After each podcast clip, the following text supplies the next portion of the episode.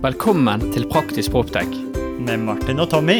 Dette er en podkast der vi ikke skal snakke om en fremtid langt unna, Men hvordan ny teknologi kan hjelpe oss til å drifte forvalte. og bruke byggene våre i dag. Vi vil vise deg de beste eksemplene fra innlandet Og fra utlandet. om hvordan sensorikk, teknologi og bygg henger sammen.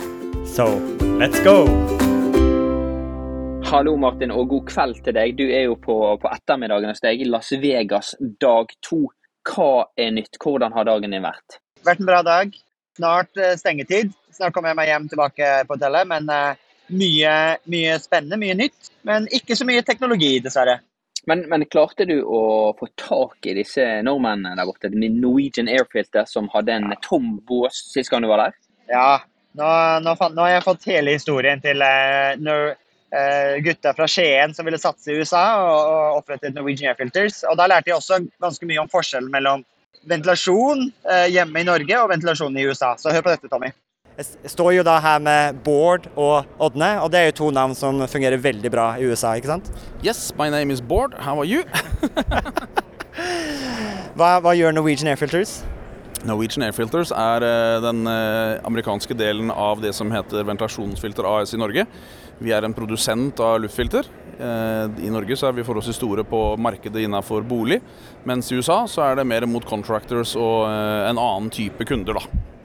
Og hva, så tre år siden dere bestemte dere for å gå inn i amerikanske markedet. Hvem var det som fikk denne crazy ideen og tenkte at dette satser vi på? Det var meg. Jeg har vært mye i USA og eh, har sett eh, hvordan filtermarkedet er her i USA. Veldig kort fortalt så er jo altså kravet til filtrering, altså type filtrering som er i ventilasjonssystemene, er mye dårligere her. Rett og slett fordi de ikke har så strenge krav, mens i Norge så har man veldig veldig strenge krav. Så jeg tenkte jo at det må jo være noen som ser verdien av å ha faktiske gode filter, og ikke bare ting som stopper edderkopper og, og maur. Så, eh, så vi begynte å selge litt her, og det gikk egentlig fort veldig greit. Og for to år siden så var vi i eh, Orlando på Expo der. Og hadde ikke de helt store forventningene, og endte opp med å sende ti konteinere ut av Norge til mange mange millioner kroner. Så vi var kjempefornøyd med, kjempefornøyd med det. Så til å konkurrere i det amerikanske markedet, er det kvaliteten på filterne, er det, det, er det prisen, eller er det å ha det store norske flagget på produktet som eh, resonnerer mest med kundene? Det er helt klart kvaliteten på produktet. Eh, vi ser jo det at flere og flere amerikanere setter pris på at det er et bra filter, og at de faktisk er innforstått med at det kanskje er litt dyrere. Men det er bedre å ha et filter som, som stopper det de skal og betaler to dollar mer, enn å ha et som ikke stopper noen ting i det hele tatt og betaler to dollar mindre. Så det, det går på, eh, på kvalitet, ikke så mye på pris. Og er det de samme filter, så Produserer dere akkurat de samme filterne som dere selger i Norge nå til USA, eller er det tilpasninger som blir gjort med et amerikansk filter? Nei, det er helt andre filter. Eh, altså, vi I Norge så har jo vi ventilasjonssystemer som funker på en helt annen måte enn det man har her, ettersom ikke bestandig varmegjenvinning og slik er så veldig aktuelt her. Så her er det egne modellsystemer, og det må jeg jo si det har vært en læringskurve å, eh, å finne ut av det. Men eh, jeg føler at vi har kommet eh, godt i mål på det. Og i dag så har vi da en egen serie som da er tilpassa til det amerikanske markedet. Og er det, er det da spesifikke ventilasjonsanlegg til eh, boliger dere kan støtte, eller støtter dere nå så å si alle amerikanske hjem som kan bruke deres filtre? Vi støtter absolutt alle, eh, men istedenfor at det her som i Norge er et modellnavn, så er det her en størrelse. En, en, en spesifikk modellstørrelse, f.eks. Og er det, eh, er det forskjellige kan du, fortelle, kan du fortelle oss litt forskjellen på kvalitet av filtre og, og filtreringskravene som er på filtre i USA? Er det, hvor, hvor, hvor langt ned er amerikanske hjem på filtrering i forhold til norske hjem? De som eh, selges her, da, f.eks. på Home Depot og plasser som man kan kjøpe filter, de er strengt ulovlige i Norge. Så det er eh, langt, eh, det er langt, det er eh, milelangt imellom. Eh, de filterne som vi selger, eh, her så er jo veldig mye brukt Merv 8 og eh, rundt Merv 10, mens i Norge så er vi jo på Merv 16, så det er jo et godt stykke opp. Så minimum i Norge er det beste filteren du kan kjøpe i USA? Det er helt riktig. Det er, og det er en stor forskjell. Og så er det jo klart at det er eh, flere og flere som setter pris på å ha f.eks. aktivt karbon i filterne, som fjerner lukt, og, og eh, ha et bedre filter, rett og slett. Men er dette her kun for uh, residential, boligmarkedet, eller selger dere også mot uh, de kommersielle byggene i Amerika? Veldig mye vi har for begge deler, for det er de samme type modellene. Men uh, veldig mye av det vi selger til er contractors eller uh, facility maintenance, som da bytter ut filter for mennesker. Og så kjøper de da inn uh, større bulklastinger av oss, gjerne konteinere, da. Og så har de stående hvor de får bytta, bytta derfra. Vi samarbeider jo også med et forholdsvis stort amerikansk firma som ligger i Oregon som eh, har lager av, vårt, eh, av, våre filter, og som sender lokalt her i USA. Så jeg tror eh, Norwegian Airfilter er en solskinnshistorie av norsk ventilasjonsteknikk og eiendomsteknologi som har greid å lykkes i USA. Veldig spennende å prate med deg, Bård. Takk for det. det. Så langt har vært veldig bra. og som sagt, Dette showet her har vært et av de beste vi har vært på USA, så det, det har vært veldig moro. Det var det for Praktisk Proptek her på Norwegian Airfields. La oss se hva annen, andre forskjeller vi finner eh, mellom eh, norsk ventilasjonsteknikk og amerikansk ventilasjonsteknikk. Veldig spennende å få tak i disse her og få bekreftet det vi har hørt, at, at Norge er bra på luft. USA har en helt annen standard. Vi kan, eh, vi kan være takknemlige for den luften og kravene som settes i ventilasjon i norske hjem. For det er på et helt annet nivå enn det man er vant med i USA, tydeligvis. Men apropos eh, luft, Martin. Eh, sist gang vi var i USA, så fikk vi lære noe helt nytt. Vi fikk jo lære om et begrep som heter air scrubber. Eh, og det var jo rett og slett hvordan man renset luften. Fant du noe selskaper som holdt på med dette? Ja. Rense luften uten å ta inn frisk luft utenfra. Det er ganske ja. Vi er jo veldig vant med i Norge at man alltid bruker utendørsluft til å ventilere, men i USA så er det veldig mye fokus på gjenvinning av det termiske energien innendørs og bare resirkulere luft. Og da må man også rense den luften. Og da har man noe som heter en luftskrubbe. En air scrubber. Så jeg fant et selskap til å prøve å forklare meg litt hva dette her dreier seg om, og, og hvordan, man kan lufte, hvordan man kan rense CO2 fra luften uten å, uten å fortynne det med utendørsluft. Så hør på dette, da. Så nå er jeg kommet hit til eh, boden som heter Envirid. Eh, og dette er noe teknologi jeg ikke har sett i Norge. Så jeg står med, med Mike. Hi Mike, do you want to present yourself? Sure. Hi, I'm Mike. I'm VP of Engineering at Envirid. Okay. And and what is uh, so one category of products we've seen very little of in, in, in Norway and Europe is this category called air scrubbers. Can you explain to me what an air scrubber is? So uh, we're we're focused on cleaning indoor air as opposed to um, you know, bringing in more air from the outside. So a lot of times people have air inside that is already of a very high quality, but there's lots of different things that emit formaldehyde. People are inside breathing out CO2 all day. So with an air scrubber, what you can do is recirculate air that's already inside through our product. We'll take out those indoor air contaminants. Um, in the US, we have something called the IAQP, um, which is an alternative to the uh, VRP, ventilation rate procedure. Yeah. And uh, there's a list of contaminants that ASHRAE has come out with. So we, we scrub all those contaminants out of the air, get you up to code on your indoor air quality, and just put that air back into the space. And what are the main contaminants then that you're scrubbing away from the air? So uh, per code right now, the main contaminant, the kind of the tall pole in the tent, is uh, formaldehyde. But a lot of spaces are uh, wanting to control for carbon dioxide as well. So we have uh, really good capacity with our, our sorbent and our sorbent ventilation technology uh, to scrub those two components and all the other components in the uh, 62.5 procedure. Okay, wow. And I, we have one of the units over here. Can we can we go over because it's a it's a a big box here. You got a plexiglass so we can see on the inside. It's probably the tallest eye, so 182 centimeters. Yeah. Uh, and you have, is there, can you just walk me through what we see here? And keep in mind that this is not video, this is sure, radio. Sure. So uh, over here on the right, we have a, uh, the, the air comes in here, kind of goes down and around, and then uh, we, we pressurize it with these fans so we can put it through our sorbent filters. So these sorbent filters are what scrub out those contaminants I was just talking about. I think I misspoke. It's 62.1, uh, not 62.5. And then, um, you know, here's where the clean air comes out and goes back into the space. So yeah. there's no outdoor interference there. Everything is just recirculating. Right. There's no outdoor interference. Everything's recirculating within the space. Yep. It goes through this unit. And at the bottom here, there's some metal coils. What do they do before they hit these uh, filters? Yeah, so those metal coils are actually a heater. Um, so there's a lot more carbon dioxide than there is formaldehyde in the air. So our sorbent filters fill up with carbon dioxide throughout the day. So we'll do what's called a regeneration at night. Okay. So that's what this other inlet is. Yeah. Is a lot of times buildings will want to get the air to uh, to regen these cartridges or these filters uh, from a different place. Sometimes it is from the same place, but that's why there's another inlet here. So at night, what we'll do is we'll heat these up, and they'll actually release the CO2 that they've collected during the day, so that they're good again for the next day. Okay, so every night you'll essentially bake the filters Yeah. to clean them, Yeah. empty out the CO2 Yep. and the VOCs from these the sorbent filters here, Right. and then there's an exhaust outlet on the top, so then Right. that probably goes outside the building. Right. Right. Yeah. So we don't necessarily need to release the VOCs. We actually have another product over there that is VOC only. It doesn't have this regeneration capacity Yeah. uh, because these filters have a two-year life for things like formaldehyde. So you don't need to regen those. And what uh, what are, what are inside uh, these filters that are able to? How, how does it absorb CO2 from the air? It's uh, it's an amine-based material technology, and it's got a really high affinity for um, different types of gases like carbon dioxide and formaldehyde. So it, it latches onto it chemically as it's coming through.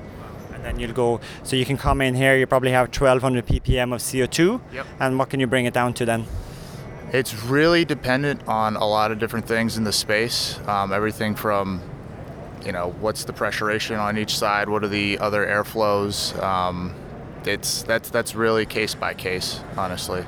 But you could get it down to six, 700 ppm, maybe something that's within the I limit. would- we, we'd have to run the calcs on the specific building to be sure, but that sounds like it's in the realm of possible.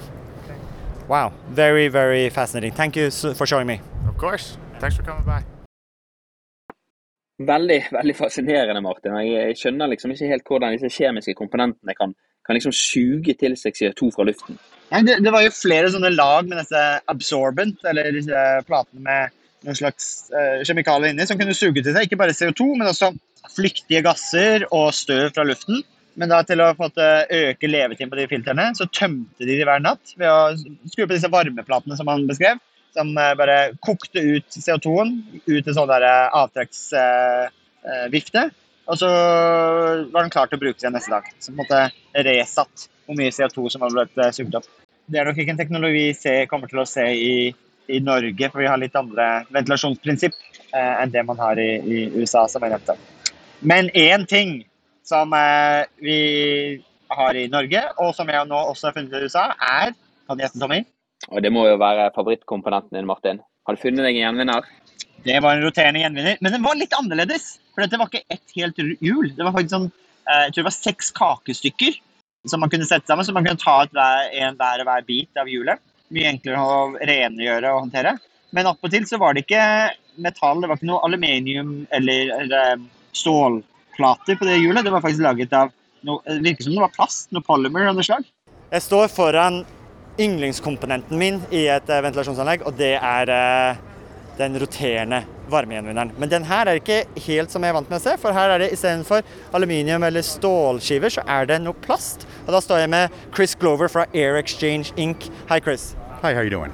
Pleasure. And uh, I was just uh, telling our Norwegian listeners that uh, this is my favorite component in a air handling unit because it's so magical how it can recover so much energy and it's such a simple construction. they, they do quite a good job of minimizing how much energy is used to pre-treat the ventilation that's airstream. And I think um, a lot of people right now have a good uh, understanding of how important ventilation is in a building, especially with the pandemic still kind of ongoing. Um, you know, back when these devices originally came to the market, back at least stateside um, in the 1970s, we went through the initial energy crunch. Um, and it's, on top of that, they also had the first case of Legionnaire's disease came out. So people were looking at not only increasing ventilation to the space, but also trying to minimize how much energy it took to ventilate the space. So that's originally when energy recovery wheels came to the market and said, okay, we think we can do this cost effectively. So what's unique with this one? Uh, like, is this a unique technology that you've developed that is this polymer-based uh, wheels? And what's what's the benefit and, and the value proposition of this? So the value proposition of the polymer is you're able to create a more compact heat exchanger and still provide as much or if not more performance than you would a, a equivalent aluminum wheel. Okay. So the polymer itself, as you can see right here, it's lightweight, it's compact, but the true benefit of the polymer is you're able to embed the desiccant that does the exchange into the media itself. So the desiccant that does the moisture exchange uh, will never wash off or corrode off, and then you can build it into this segmented design like you see here, where you can take the indivi- these tiny individual pie pie, sections right, out, yeah, and then you can wash it and clean it.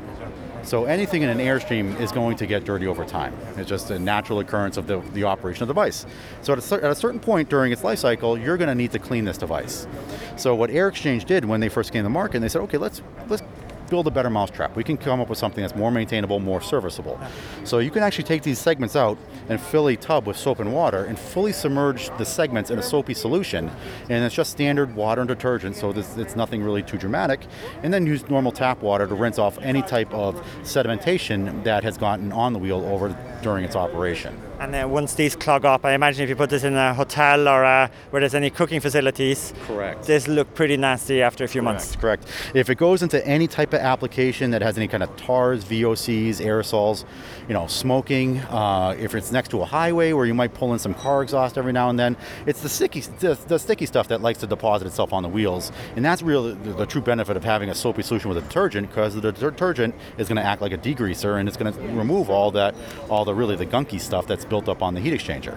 And then you can also get them in different densities. So as you maybe the use of your building, or you need uh, to increase the airflow, but and uh, we want to reduce the airdrop over the heat exchanger, you can actually then also come with less dense. Correct. Replace these pies into something that's uh, a bit less denser. You're correct. So we like to offer um, different performance curves to our customers. You know, sometimes these go into air handler systems or, or air delivery systems where the fan system is really, really efficient at moving its air. So they want to try to capitalize on that and get as much thermal or latent performance out of these devices as possible.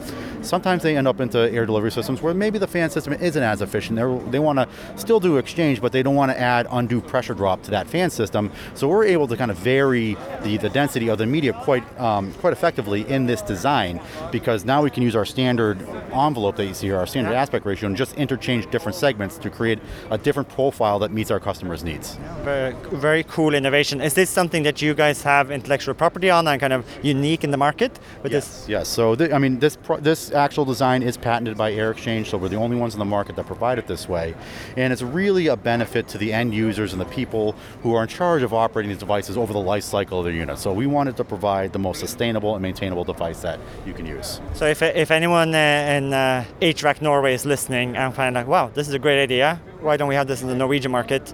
Uh, who should they contact? So, Air Exchange as a company, we're a component manufacturer. So, we supply our products to every major OEM manufacturer. So, um, if you're interested in Air Exchange products, I suggest you go to our website at airexchange.com to learn more or call us. We have a contact us page on our, on our website and we'll be happy to point you in the right direction.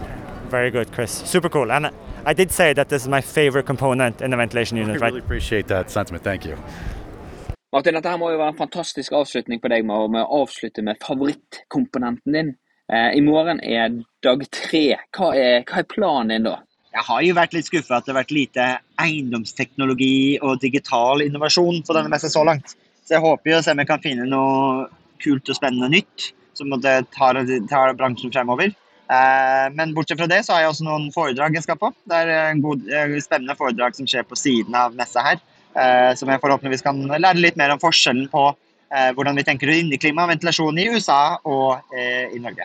Og Martin, da, da tror jeg du må bare få masse søvn, sånn at du får ladet opp til en bra dag nummer tre. Og med det tror jeg nok en episode av Praktisk Proptech er over for denne gang. Mitt navn er Tommy. Jeg er USA-korrespondent Martin, og du har nettopp hørt på Praktisk USA Det er ikke like lett å koordinere med lag, altså. Tommy. Det var, det var litt lag, Martin. Ha en fin kveld videre. Takk, takk. Nå blir det middag. Da dere er 2024 i gang, og et av høydepunktene på starten av året er jo sett sammen et årshjul, og det har vi også gjort, Tommy. Ja, Akkurat nå sitter jeg og ringer rundt 25. og 26. april, for da skal vi på FTV-kongressen. Og det blir litt ekstra spesielt i år, Martin. Det var jo veldig spesielt i fjor òg, for jeg husker det vakre øyeblikket når eh, du og Magnus fra FTV-kongressen eh, preiket sammen og egentlig unnfanget og satt sammen en god idé. Og det var jo invitasjonen til eh, Proptech-dugnaden, som også blir et høydepunkt i år, ikke sant, Magnus, på FTV-kongressen 2024. Jo, det stemmer det. Vi setter godt med plass i år til, til dugnaden.